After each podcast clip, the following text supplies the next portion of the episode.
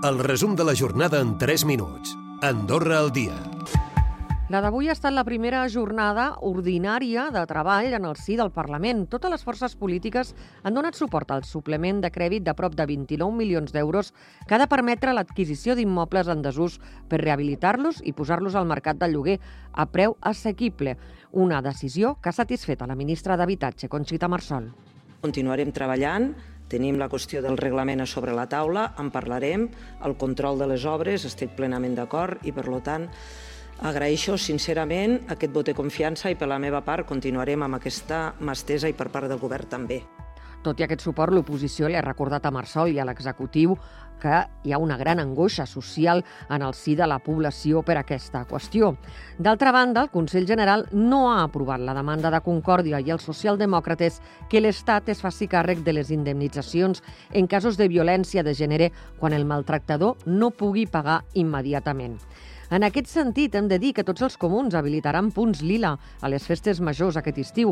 Es vol oferir d'aquesta manera una eina perquè les dones que pateixen situacions de violència de gènere puguin denunciar-ho. Segons ha explicat la secretària d'Estat d'Igualtat, s'està dissenyant un protocol d'actuació per cada cas. Què hem de fer en el cas que ens arribi una víctima de, que hagi patit una agressió o per violència de gènere o una lesió o el que sigui, doncs no deixar-la mai sola, eh, creure sempre tot el que ens està dient, no jutjar-la, no bloquejar les seves emocions, tot això està detallat en el, en el protocol. I segons el psiquiatre infanto-juvenil del SAS, Lluís Fidel Villar, els problemes de salut mental comencen en edats més primerenques i d'una forma cada cop més extrema. Permanecen más tiempo ingresados, el paciente se psiquiatriza, es decir, la vida normal se va psiquiatrizando, no es una cosa post-COVID, ¿no? sino que antes ya se veía que, que esto iba en aumento y va a seguir aumentando, va a seguir aumentando porque hay un efecto contagio muy alto.